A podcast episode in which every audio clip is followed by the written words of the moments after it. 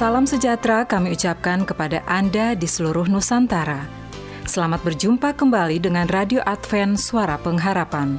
Dengan senang hati kami telah mempersiapkan rangkaian acara yang telah kami sediakan bagi Anda sekeluarga. Harapan kami semoga siaran ini dapat bermanfaat dan menjadi berkat bagi kita semua.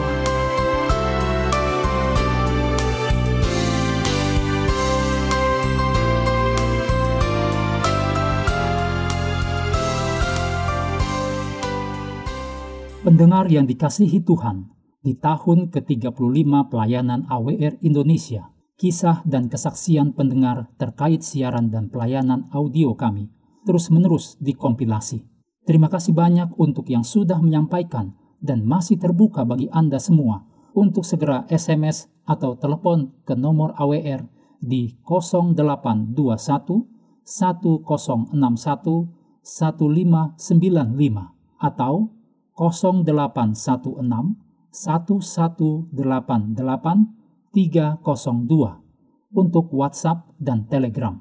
Kami tunggu para pendengar dukungan Anda. Dengarkanlah Tuhanmu bersabda, bersabda, maju di jalan yang benar. Janganlah menyimpang kiri tetap maju di jalan benar. Maju di jalan benar. Dengarkanlah Tuhanmu bersabda, Tuhan bersabda, tetap maju di jalan yang benar. Janganlah menyimpang ke kanan, ke kiri tetap maju di jalan benar, maju di jalan benar, maju di jalan benar. Selamat datang kembali dalam membuka nubuatan Alkitab yang akan menuntun Anda pada penemuan nubuatan terbesar dalam Alkitab. Dalam masyarakat sekarang ini, mengapa sepertinya setiap orang memiliki pemahaman yang berbeda mengenai hal benar atau salah? Apakah kasih dan karunia Allah memperkenankan pengertian individu untuk aturan moral? Apakah hukum Allah, sepuluh perintah Allah, telah disingkirkan dengan aturan moral ini? Bersama kita akan melihat apakah perintah yang diberikan kepada Musa masih tetap relevan bagi Anda dan saya sekarang ini. Dalam pembahasan kita sebelumnya, sebuah peringatan atau amaran adalah hal yang menakjubkan untuk menyadari bahwa kita benar-benar hidup di saat-saat terakhir sejarah dunia. Tuhan sangat mengasihi kita, sehingga Dia selalu memberikan lebih dulu amaran untuk mempersiapkan umatnya atas peristiwa besar dunia yang mempengaruhi nasib kekekalan mereka. Dan fakta bahwa Allah memanggil orang-orang untuk bersiap bagi kedatangan Yesus merupakan pengingat yang luar biasa tentang betapa Tuhan menginginkan hubungan pribadi dengan masing-masing dari kita. Saya berharap Anda akan menyimak setiap pemaparan dari membuka nubuatan Alkitab untuk dipersiapkan bagi hari itu. Pembahasan saat ini adalah sebuah jalan. Ini dapat merupakan pemaparan yang mengejutkan banyak orang. Solusi untuk beberapa tantangan terbesar masyarakat ditulis dalam buku Alkitab. Namun Alkitab ini, dengan begitu mudahnya, diabaikan oleh orang banyak. Hari ini kita akan melihat beberapa prinsip kehidupan luar biasa yang muncul dari halaman-halaman buku Alkitab ini. Kru video AWR dan Kemi Utman, pembicara serial ini, berada di hutan di Filipina terjebak di tengah badai. Kemi kemudian berlindung di bawah pondok jerami kecil. Tidak sendirian, berbagi ruang pondok jerami kecil itu dengan para pembunuh dan pencuri. Tetaplah bersama dengan kami sahabat pendengar untuk mengetahui cerita tersebut. Sekarang, mari kita lebih dahulu berdoa untuk pelajaran saat ini, sebuah jalan. Bapa Surgawi, terima kasih banyak telah menyediakan bagi kami jawaban Alkitabiah untuk mengetahui jalan kembali kepadamu, untuk kembali ke taman surgawi yang sempurna, kembali ke rencanamu yang semula. Ya Tuhan, buka hati kami dan pertajam pikiran kami untuk memiliki pemahaman yang lebih dalam tentang Engkau dan karaktermu, sehingga kami dapat membuktikannya ya Tuhan, dalam segala hal yang kami lakukan. Tuhan, terima kasih banyak sekali lagi untuk membawa kami semua bersama saat ini mempelajari firman-Mu. Doa ini kami persembahkan di dalam nama Yesus, nama yang indah dan berkuasa. Amin. Jadi, mengapa semua orang tampaknya memiliki definisi yang berbeda tentang apa yang benar dan yang salah? Tentang kebaikan melawan kejahatan? Dalam topik pertama kita prediksi, kita telah belajar bagaimana Alkitab memberitahu kita tentang perang yang terjadi di surga. Apa yang diperangi? Sederhana. Kesombongan Lucifer tumbuh menjadi kebencian pada Tuhan dan hukumnya, yang adalah cara Allah dalam bertindak, yang adalah prinsip bagaimana surga berjalan. Dosa berasal dari Lucifer di surga. Sekarang apakah dosa itu? Pelanggaran hukum Tuhan.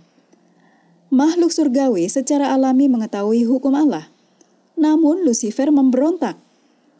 Selanjutnya, dia berbohong dan memanipulasi sepertiga dari semua malaikat untuk memberontak melawan hukum Allah. Dan setelah setan dilemparkan ke planet bumi, dia kemudian menipu orang tua pertama kita untuk memberontak melawan jalan Tuhan juga. Setan telah memimpin pemberontakan ini melawan Allah sejak saat itu. Setan memiliki motif terbesar untuk mengubah dan memutarbalikkan kebenaran ini dengan segala cara yang mungkin untuk mengalihkan manusia dari menerima Tuhan sebagai raja mereka. Semua pemberontakan ini bertentangan dengan pemerintahan Allah, standar Allah, perintah Allah untuk dijalani. Anda bisa katakan bahwa itu adalah karakter Allah atau gaya kepemimpinannya. Jadi bagaimana tepatnya gaya pemerintahan Allah? Intinya, itu adalah kasih dan kebebasan.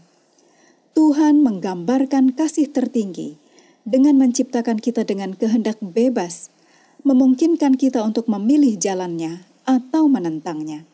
Kita terus berada dalam pertentangan untuk mengikuti jalan Tuhan atau memberontak melawan Dia, untuk memilih yang benar atau yang salah, untuk memilih yang baik atau yang jahat.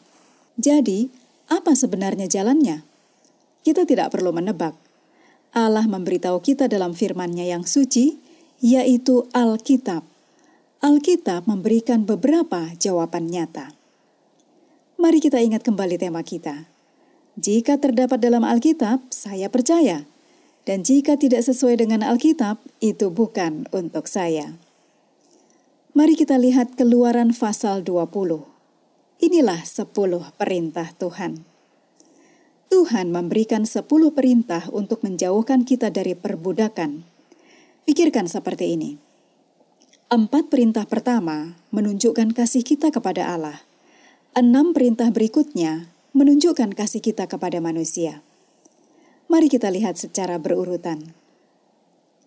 Keluaran 20 ayat yang pertama. Lalu Allah mengucapkan segala firman ini, Akulah Tuhan, Allahmu, yang membawa engkau keluar dari tanah Mesir, dari tempat perbudakan. Jadi di sini kita dapat melihat bahwa Tuhan berbicara dan orang-orang Israel mendengarkan dan mengakui fakta bahwa Tuhan baru saja menyelamatkan mereka dari perbudakan di Mesir. Jadi, apa yang Allah katakan selanjutnya mengarahkan mereka bagaimana untuk tetap bebas dari ikatan apa pun, dan menunjukkan kepada mereka apa sebenarnya kebebasan itu.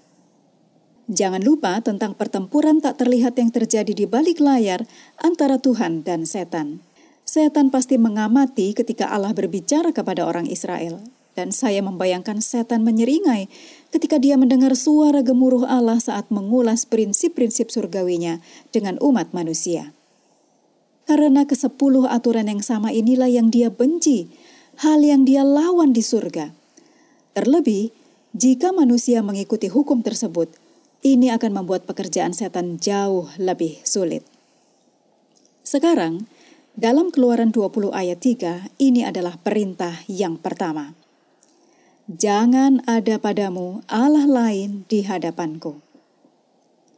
Ketika saya membaca perintah itu, saya terdiam dan berpikir, jika saya adalah Tuhan, Raja semesta, dan saya baru saja menciptakan sebuah planet yang luar biasa, dan saya sangat mencintai ciptaan saya yang indah, dan saya akan melakukan apa saja untuk mereka dalam cara yang paling ideal, yang terbaik, Saya ingin ciptaan saya mengakui saya sebagai Tuhan mereka, mengasihi saya dengan kehendak bebas mereka, mempercayai saya, dan menikmati hubungan pribadi dengan saya. Dan karena saya ingin melindungi umat manusia, saya ingin mereka tidak disesatkan oleh Tuhan palsu yang saya tahu tidak memiliki kekuatan.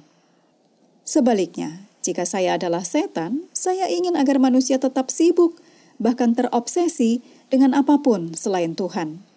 Dan itu tidak harus Tuhan dari agama lain, tetapi apa pun yang bisa menggantikan tempat Tuhan. Apakah itu kekayaan, ketenaran, jabatan, atau bahkan acara televisi yang merebut pikiran dan waktu manusia. Apa pun untuk membuat manusia melenceng. Para sahabat pendengar, Perintah pertama menunjukkan bahwa Tuhan memohon kita untuk mengasihinya kembali, tanpa ada batu sandungan yang menghalangi hubungan erat kita dengannya. Tuhan ingin agar kita menghargai Dia, dan bukan hal-hal di dunia ini. Kita tidak boleh memiliki apa pun yang menggantikan tempat Allah. Allah harus menjadi nomor satu. Pendengar yang dikasihi Tuhan, di tahun ke-35 pelayanan AWR Indonesia, kisah dan kesaksian pendengar terkait siaran dan pelayanan audio kami terus-menerus dikompilasi.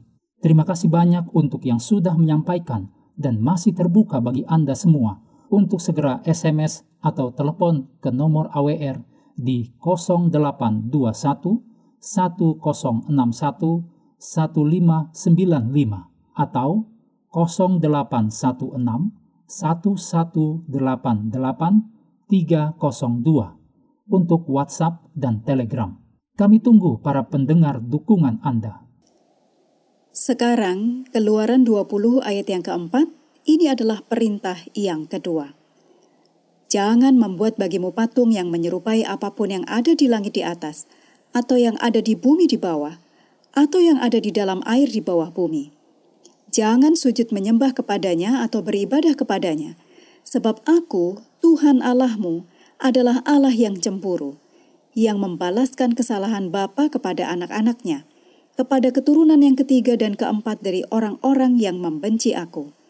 Tetapi aku menunjukkan kasih setia kepada beribu-ribu orang, yaitu mereka yang mengasihi aku dan yang berpegang pada perintah-perintahku.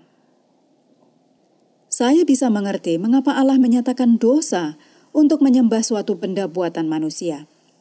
Ini merendahkan pandangan manusia tentang Tuhan.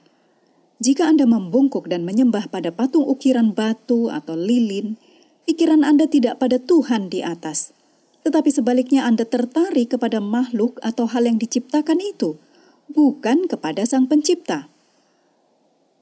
Ketika pandangan masyarakat tentang Tuhan diturunkan, keadaan manusia sendiri jadi merosot. Dalam perjalanan mengelilingi dunia, saya menyaksikan berbagai kelompok orang yang memberi penghormatan kepada gambar dan patung berhala yang berbeda. Banyak dari patung berhala ini sudah hancur, mulai rusak, usang, dan tidak memiliki sumber kehidupan. Banyak dari dewa-dewa ini menyerupai wajah monster yang menakutkan dan memiliki tubuh yang terganggu dan rusak. Mereka dewa yang egois. Bukankah menarik bahwa Allah yang hidup tidak mementingkan diri sendiri dan indah adanya.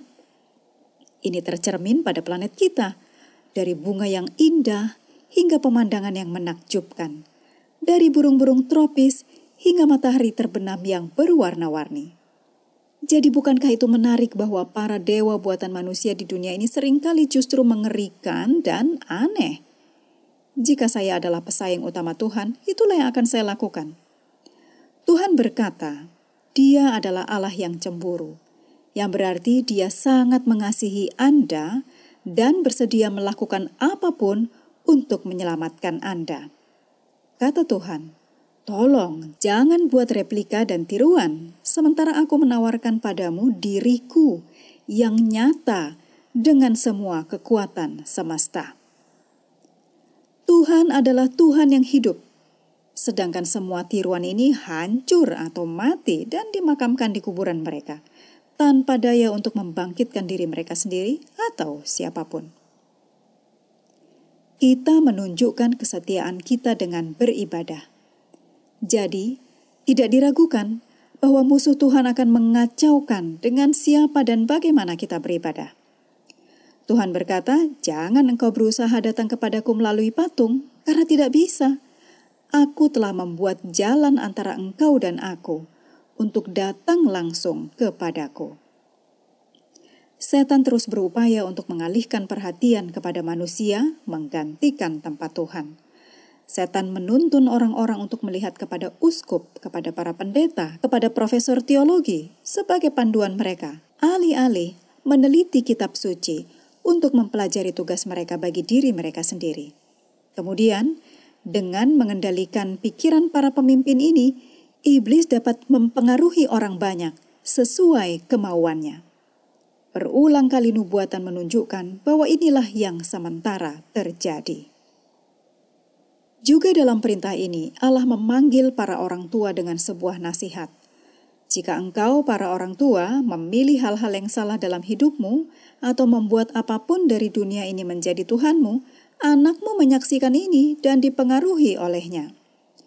Tuhan memperingatkan, anak-anakmu cenderung mengikuti jejakmu jadi berhati-hatilah tentang siapa Tuhanmu.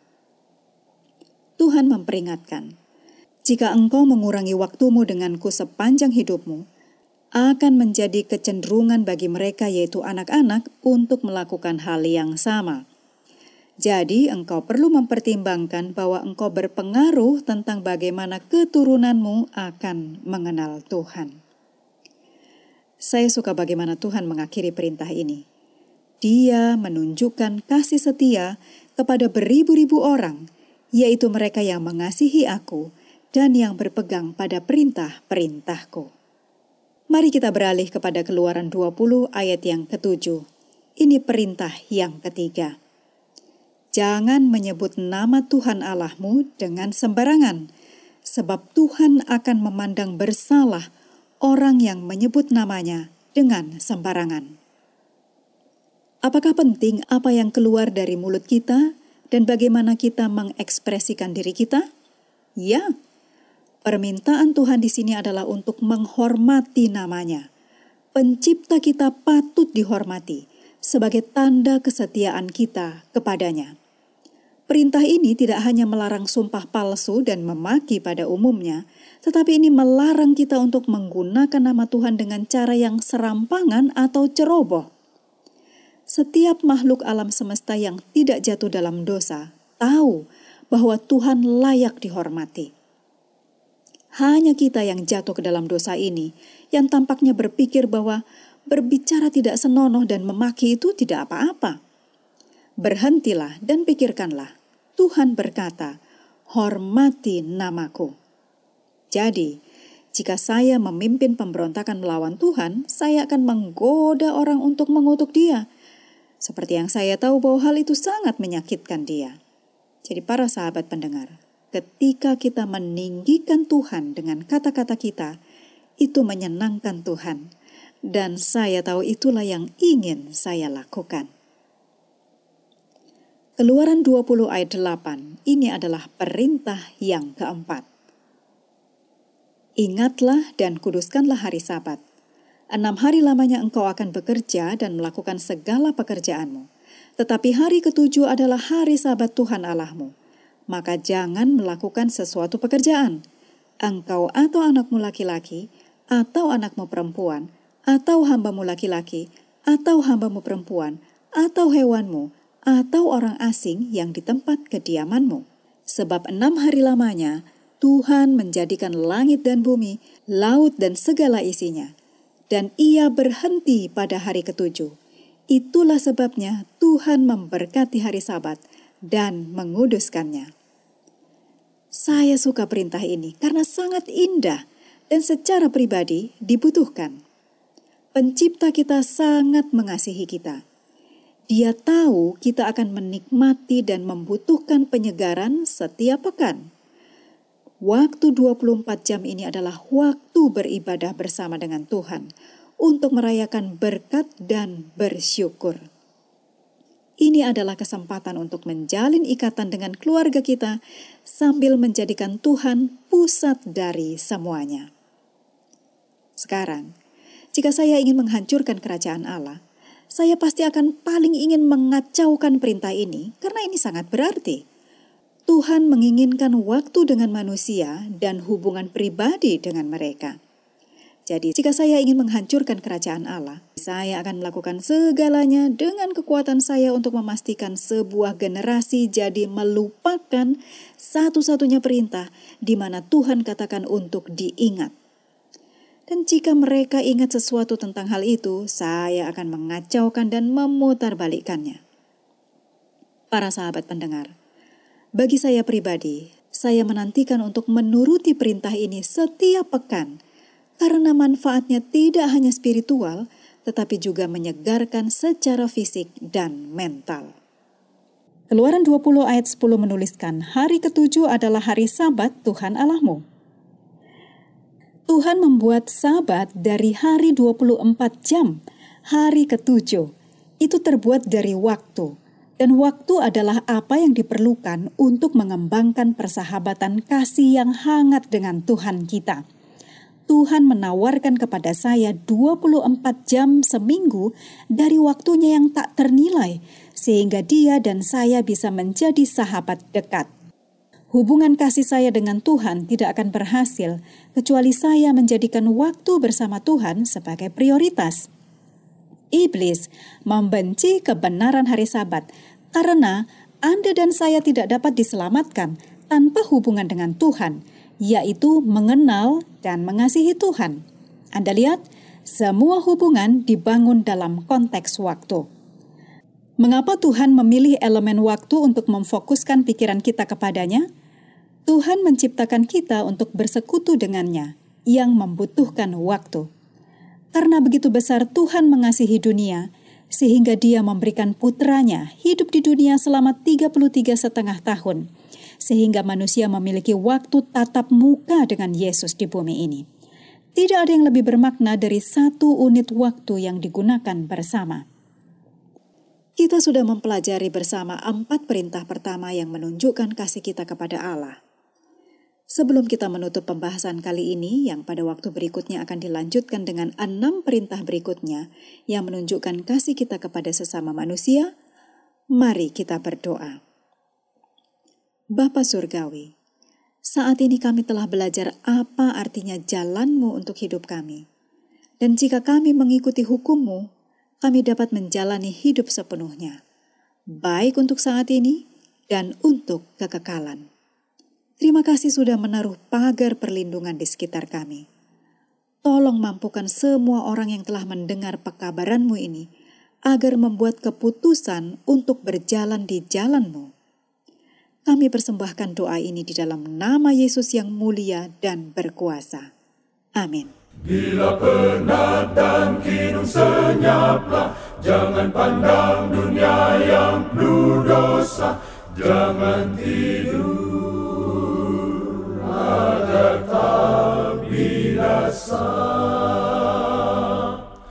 Bangun dan maju senantiasa. Saudara tetap di jalannya di jalan yang benar ya di jalannya Tuhan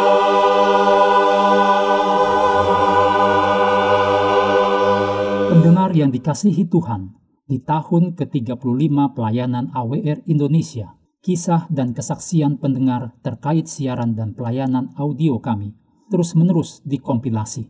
Terima kasih banyak untuk yang sudah menyampaikan dan masih terbuka bagi Anda semua untuk segera SMS atau telepon ke nomor AWR di 0821 1061 1595 atau 0816 1188 302 untuk WhatsApp dan Telegram. Kami tunggu para pendengar dukungan Anda. Percaya.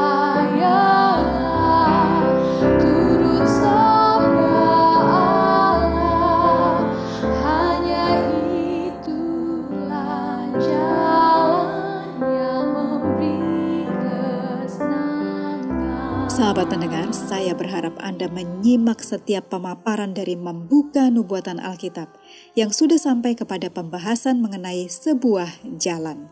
Satu pemaparan yang dapat mengejutkan banyak orang.